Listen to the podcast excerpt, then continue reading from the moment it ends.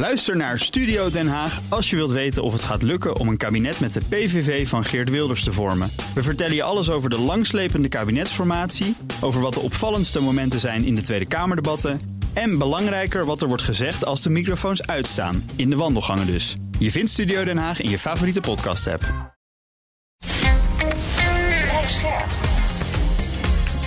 BNR Nieuwsradio. Boekenstein en de Wijk. Hugo Reitsma. Welkom bij Boekenstein en de Wijk. Het is donderdag, dag 554 van de oorlog in Oekraïne. En vandaag de vraag of deze oorlog voorkomen had kunnen worden als eerder adequaat was gereageerd op Poetins agressie. Luisteraar Thijs van Wallij die wees ons op een stuk van de Zweedse oud-diplomaat Anders Aslund in de Kiev Post getiteld How Washington Misunderstood Putin met de vraag hoe jullie daar naar kijken. Ja, zal ik beginnen? Ja. Het is even belangrijk om, te, om, te, om te uit te leggen aan de luister wie Anders Aslund eigenlijk is. Hm? Hij is dus een econoom, een Zweedse econoom. En die man weet alles van de economische transitie van een centraal geleide economie naar een markteconomie. Nou, dan denk je gelijk natuurlijk al aan Rusland onder Yeltsin. Daar was hij natuurlijk ook adviseur van, hè, ook in Kyrgyzstan. Weet je nog, dat hij deed dat samen met Jeffrey Sachs en die geloofde in shocktherapie. Dat wil zeggen, hup, zonder dat instituties sterk zijn, doe het allemaal maar gelijk. En we weten dus nu dat dat allemaal Dat dat toch niet zo gelijk is. heeft tot een casino-kapitalisme. Dus die man heeft een heel groot, hij trekt een hele grote broek aan in dit stuk. Terwijl hij zelf ook nog wel wat uit te leggen heeft over die shocktherapie. Maar dat even terzijde. Hij is de memoires gaan lezen van William Burns, hè, de hoofd van de CIA, tegenwoordig ook Ja. de minister. hè. De memoires heette The Back Channel, American Diplomacy in a Disordered World. hè. Nou kijk, je moet het als volgt zien. Hij zegt dus van eh, Amerika en Duitsland en Frankrijk zijn veel te vriendelijk tegen Poetin steeds geweest. Hè? Met, met Georgië bijvoorbeeld, hè? stond Sarkozy daar een beetje te lachen. Ehm, en hij, dat deden ze ook nog eens om, een keer om de verkeerde redenen, zegt hij. Want van ja, ze, ze, ze hadden dus absoluut Rusland nodig om eh, het probleem met Iran op te lossen. Hm? Kijk, het probleem is een beetje dat eh, eh, je kunt als je de geschiedenis bedrijft met the benefit of hindsight, met het volrecht dat je kan terugkijken, dat is natuurlijk veel makkelijker dan als je er middenin zit. Hè? Dat, dat is waar. Dat maakt het werk van de politiek ook zo ontzettend moeilijk, want je hebt incomplete informatie en je weet niet hoe het afloopt. Hè? Op zichzelf genomen was het volgens mij heel verstandig van Bush en ook van Obama om daar geen eh, derde wereldoorlog over te beginnen. Hè?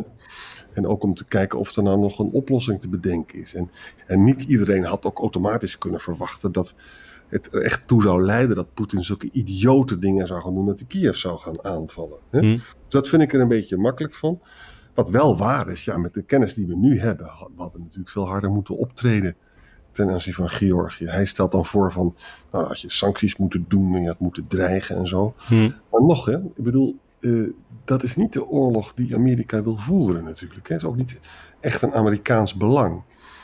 Dus het, ik vind het een beetje makkelijk. Wat vind jij, Rob? Ja, dat vind ik, ik ben het daar mee eens. Eh, ja, weet je, ehm, eh, ik, ik, ik stel altijd de vraag, die stel ik al honderdduizend keren volgens mij nu, van hoe gaan we dat dan doen? Stel je voor met betrekking tot die oorlog in Oekraïne. Eh, sorry, met die oorlog in Georgië, wat die eh, zei van, dan hadden we harder moeten optreden. Maar wat, Hm. wat wil je dan doen? Eh, sancties. Nou, sancties, daarvan weten we inmiddels ehm, eh, al heel erg lang dat sancties geen oorlog kunnen kunnen voorkomen en ze kunnen ook geen oorlog beëindigen. Dat, eh, ik ben daar hard eh, over aangepakt het afgelopen jaar toen ik dat eh, vele malen heb gezegd. Nou, zie hier, eh, het lukt dus gewoon tot nu toe absoluut niet dat een economie keihard wordt aangepakt tot je dienst. Dat gebeurt inderdaad. Eh, het heeft enorme economische consequenties, maar een oorlog beëindigen, daar is gewoon nog nooit een, ja, een voorbeeld van, eh, van geweest. Dus ehm, ja, eh, als je wat doet, dan moet je er met militaire middelen in. En nou, dan is Georgië gewoon geen oorlog waard. Daarvoor is Georgië gewoon te onbeduidend. Eh, het feit dat we op dit ogenblik eh, Rusland met sancties bestoken en heel veel militair materieel geeft, geven, maar zelf niet mee gaan vechten, dat is ook heel erg veelzeggend. Dus Oekraïne is belangrijk, maar het is volgens mij nog steeds geen vitaal belang. Want als dat het geval zou zijn, eh, dan zou onze veiligheid direct in het geding zijn. En die komt pas in geding als uh, Rusland tegen de NAVO uh, gaat vechten. Dus bijvoorbeeld de Baltische Staten gaat binnenvallen. Ja, op Hmm. dat moment wordt het een heel ander verhaal. Dus Oekraïne is ontzettend belangrijk, maar het is niet vitaal. dus je moet wel altijd in, in die context kijken. En dat verklaart ook waarom een land als Amerika de ene keer terughoudend is en de andere keer er volop ingaat. Ja. Obama bijvoorbeeld, hè, die heeft dus echt Poetin genegeerd hè, met in, in 2014 met die Krim. Hmm. En ook letterlijk ook gezegd van ja, ik ga hier geen oorlog uh, over beginnen. Ja. En uh, ja, wat, wat altijd lastig is uit te leggen is dit, dat als je, je uh, grote mogelijkheden komen alleen in actie als hun vitale belangen in het geding zijn. Ze kunnen niet over voor alles in het... Laten we de, casus Georgië uitwerken. Stel je voor dat we hadden lethal weapons gegeven en uh, geld. Om te beginnen was Saakashvili natuurlijk zelf ook een beetje een merkwaardige man, om het zo maar Hmm. even te zeggen.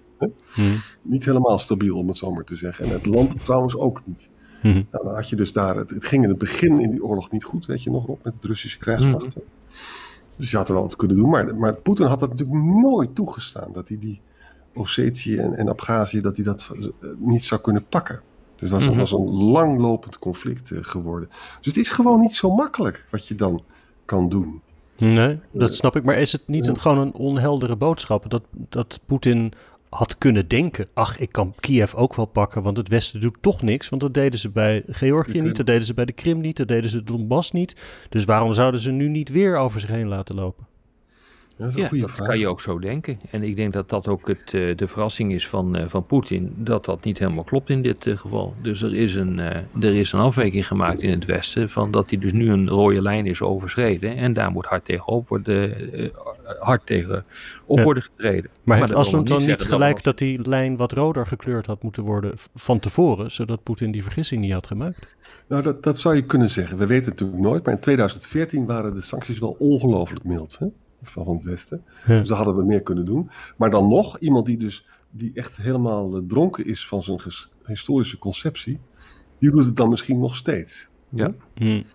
En, en- Daarna zat eh, Willem-Alexander over dronken gesproken nog eh, biertjes te drinken Ja. met Poetin, Ja. toch? Bij de Olympische Spelen. Achteraf pijnlijk. dat was niet erg gelukkig allemaal. Nou ja, weet je, ja, het is. De vraag is echt gewoon hoe ver je moet gaan. En dan kun je zeggen van eh, we gaan rode lijnen zetten. Dat heeft, eh, kan je het nog herinneren, in eh, Ja. Irak, een aantal jaar geleden, Obama, rode lijn, als... eh, Eh, Syrië, als toch? Sorry, Syrië, je hebt helemaal gelijk, sorry. Eh, als, ehm eh eh, Assad, de president van, van Syrië, massavernietigingswapens, chemische wapens zou inzetten, biologische Ja. wapens, dan zou er wat zwaaien. Nou, er zwaaide niks. Hm. Dus er is ook, je moet heel erg uitkijken met, met rode lijnen. Hm. En je kan wel fors tekeer gaan en roepen van dit accepteren we niet, maar zo wat? Als je niet bereid bent om te vechten, dan houdt het gewoon op. En dan eh, is er een mogelijkheid voor een eh, tegenstander om dan toch maar gewoon ehm, het, het, het, initiatief eh, te nemen, het risico te nemen eh, dat er hardere sancties komen. Maar daar liggen ze niet wakker van. Had het Westen niet, wat Aslund zegt, op zijn minst Oekraïne na de inval in de Donbass en de, het afpakken van de Krim moeten bewapenen? Voorafgaand aan... een- Dat is ook gebeurd. Vanaf eh, 2015 eh, zijn er enorme hoeveelheden wapens ehm, en trainers naar, ehm, ehm, naar Oekraïne gegaan. Eh, feitelijk eh, hebben ze de afgelopen eh, jaren vanaf 2015 de Britten en de Amerikanen die hele Oekraïnse krijgsmacht behoorlijk aangepakt Getraind. Ja. en getraind. En zonder dat was Oekraïne al lang van de kaart ver- En verdwenen. wat, wat ik wel pijnlijk vind en je hebt helemaal gelijk, hè, de Amerikanen en de Britten hebben dat gedaan. Merkel zei toen in haar laatste interview, weet je nog, eh, herfst vorig jaar. Ja, ik heb met die Minsk-akkoorden wel de tijd eh, heb ik gecreëerd dat de Amerikanen en de Britten dat konden doen. Daar had ze Oh ja. gelijk in. Maar het was natuurlijk ook heel aardig geweest als Frankrijk en Duitsland, ook Nederland, daarin geparticipeerd hadden. Hè? Ja. In die training van de. En dat hebben we natuurlijk niet gedaan. We hebben dat Nee, dat is wel vreemd, want we zijn nu eh, een soort havik geworden binnen de NAVO, Hm. maar toen niet. Dus je had, Ja. eh, had inderdaad gedacht, eh, zou kunnen denken, en volgens mij was toen, hadden we toen nogal eenzelfde minister-president genaamd Rutte, Ja. eh, dat ehm, eh, zeker ook getriggerd door MH17, dat de Nederlanders eraan mee zouden hebben gewerkt. Maar dat hebben ze dus niet gedaan. Althans niet grootschalig. Dat is op de achtergrond is er wel het een en ander gebeurd. Maar nou, dit niet. Ik vind het heel fijn als iemand als, als William Burns, een ongelooflijk intelligente man, dat die man heel uh, voorzichtig opereert en probeert een derde wereldoorlog te voorkomen. Net als Biden. Dat vind ik een heel uh, goed teken eigenlijk. Toch? Ja, kijk, het centrale punt van kritiek is dat hij zegt van ja, we wisten eigenlijk helemaal niet wat voor uh, man Poetin was. Hij, als hij zegt, nou dat wist ik wel. Nou, dat klopt ook wel, maar hm. iedereen die wist vanaf, nou laten we zeggen 2007, zeker München-conferentie wat, uh, wat Poetin voor iemand uh, was. de oorlogjes die hij heeft gevoerd, dat wisten we dus ook. maar de grote vraag is natuurlijk, moet je er wat mee? Je kunt, nou, wat Arend Jan ook al heeft gezegd, je kunt niet bij, bij elk probleem kun je gaan ingrijpen, want dat kan niet. Want dit leidt gewoon tot grote oorlogen. Dit is gewoon, ja, dit is het cynisme, het cynische van internationale betrekkingen. je bent boos, je kunt een morele politiek hebben, maar als puntje bepaald je komt, dan kun je niet zoveel. Of je moet echt enorme risico's willen nemen en een oorlog gaan voeren. Ja. Kom je dan toch niet altijd weer uit bij dat besluit uit uh, Boekarest in 2008 om de deur naar de NAVO open te zetten voor Oekraïne? Want aan de ene kant dan heel voorzichtig, uh, Rusland niet provoceren, en aan de andere kant de ultieme provocatie. Het was een fout. Boekarest heeft eerst, ten eerste geleid tot de oorlog uh, tussen Rusland en Georgië. In de tweede plaats uh, nu tot deze oorlog met Oekraïne. Maar het ook, moet echt bijgezegd worden, dat heeft dus, Bush heeft dat gedaan. Hè? Mm-hmm. Maar uh, Frankrijk en Duitsland hebben geen moment ongebruikt geladen om te zeggen dat ze, dat, dat ze daar niet mee eens waren. Mm-hmm. En dat Oekraïne geen NAVO-lid snel zal worden. En dat wist Poetin dus ook. Hè? Dus ja, ik blijf vinden... vond dat ook. Ja, die, vond die, die, wilde ook uh, niet dat, uh, dat dat land NAVO-lid zou worden. Dus met andere woorden, Poetin misbruikt dit argument heel erg. Maar ja, Mersheimer die doet het dus ook. Maar ik vind dit dus de zwakke stee van Mersheimer. Ik vind echt dat die historische conceptie, gedrevenheid van Poetin, dat is de verklaring waarom dit soort idiote dingen gebeuren. Mm -hmm. Dit is echt, dit is zo irrationeel wat er gebeurt. Met name die, die raid op Kiev. Hè? Dat is toch belachelijk. Ja. Ja, nou, ja, dat hebben we al heel vaak geconstateerd. Ja. En, hij heeft het toch uh, gedaan. Nee, kortom, ik, ik ben niet diep onder de indruk van, um, van de redenering. Um, en het komt er inderdaad op, op neer van, uh, ja, wat ga je nou doen? Uh, ja, dan kun je niet zoveel doen. ik bedoel, het wachten is op een, op een gamechanger in dit geval. En, en, nog een breder punt. Hè. Amerika heeft het wel gedaan in, in Irak en Afghanistan. Hè. Nou, dat, beide is dat een enorme ellende is dat geworden. Dus met andere woorden, sowieso militaire interventie moet je duizend keer nadenken voordat je eraan begint. Er zijn ontzettend weinig voorbeelden van dat het goed uitpakt. Ja. En, ook, en ook nog het morele punt, moet je dan je eigen zonen laten sterven voor Georgië? Zo is, dat is dan, ja, dus, het is niet alleen maar immoreel hoor, de, bu de, buitenlandspolitiek. Het heeft ook een morele component. Ja. ja. Uh, kijk, weet je wat hieruit blijkt? En ik, uh, Asloen ken ik wel. Ik heb hem wel hoog zitten. Hij zit uh, vooral in de Verenigde Staten. Ja, uh, schrijft prachtige boeken. Um, maar het behoort wel tot de lichting analisten die, uh, die heel erg gedreven zijn, ook met een, uh, laten we zeggen, door, door, hun eigen moraliteit. Dat vind ik prima. Hm. Uh, maar daartegenover staan de analisten die zeggen van, nou ja, laten we eens even kijken wat kan en wat niet kan.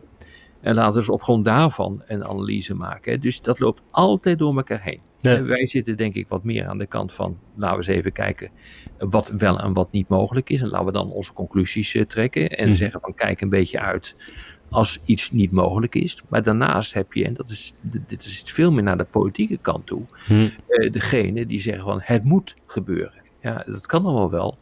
Uh, maar als het niet kan, ja, dan moet het misschien toch maar niet moeten. Ja. Dat is inderdaad een bekend verhaal van jullie. Uh, ja. Dank jullie wel. Mede namens Thijs, die overigens erbij zei dat hij ooit als bijvak bij Arajan uh, diplomacy van Kissinger heeft ja. doorgeakkerd. Mijn lievelingscollege. Leuk dat je daar geweest is. Leuk. Dank jullie wel. Tot okay. morgen. Tot, Tot morgen. morgen. Ook Diana Matroos vind je in de BNR-app. Ja, inderdaad. Je kunt live naar mij luisteren tijdens de Big Five. Ook handig in de BNR-app. Breaking nieuwsmeldingen, maar ook het allerlaatste zakelijke nieuws. En je vindt in de app alle BNR-podcasts, waaronder Wetenschap Vandaag. Download nu de gratis BNR-app en blijf scherp.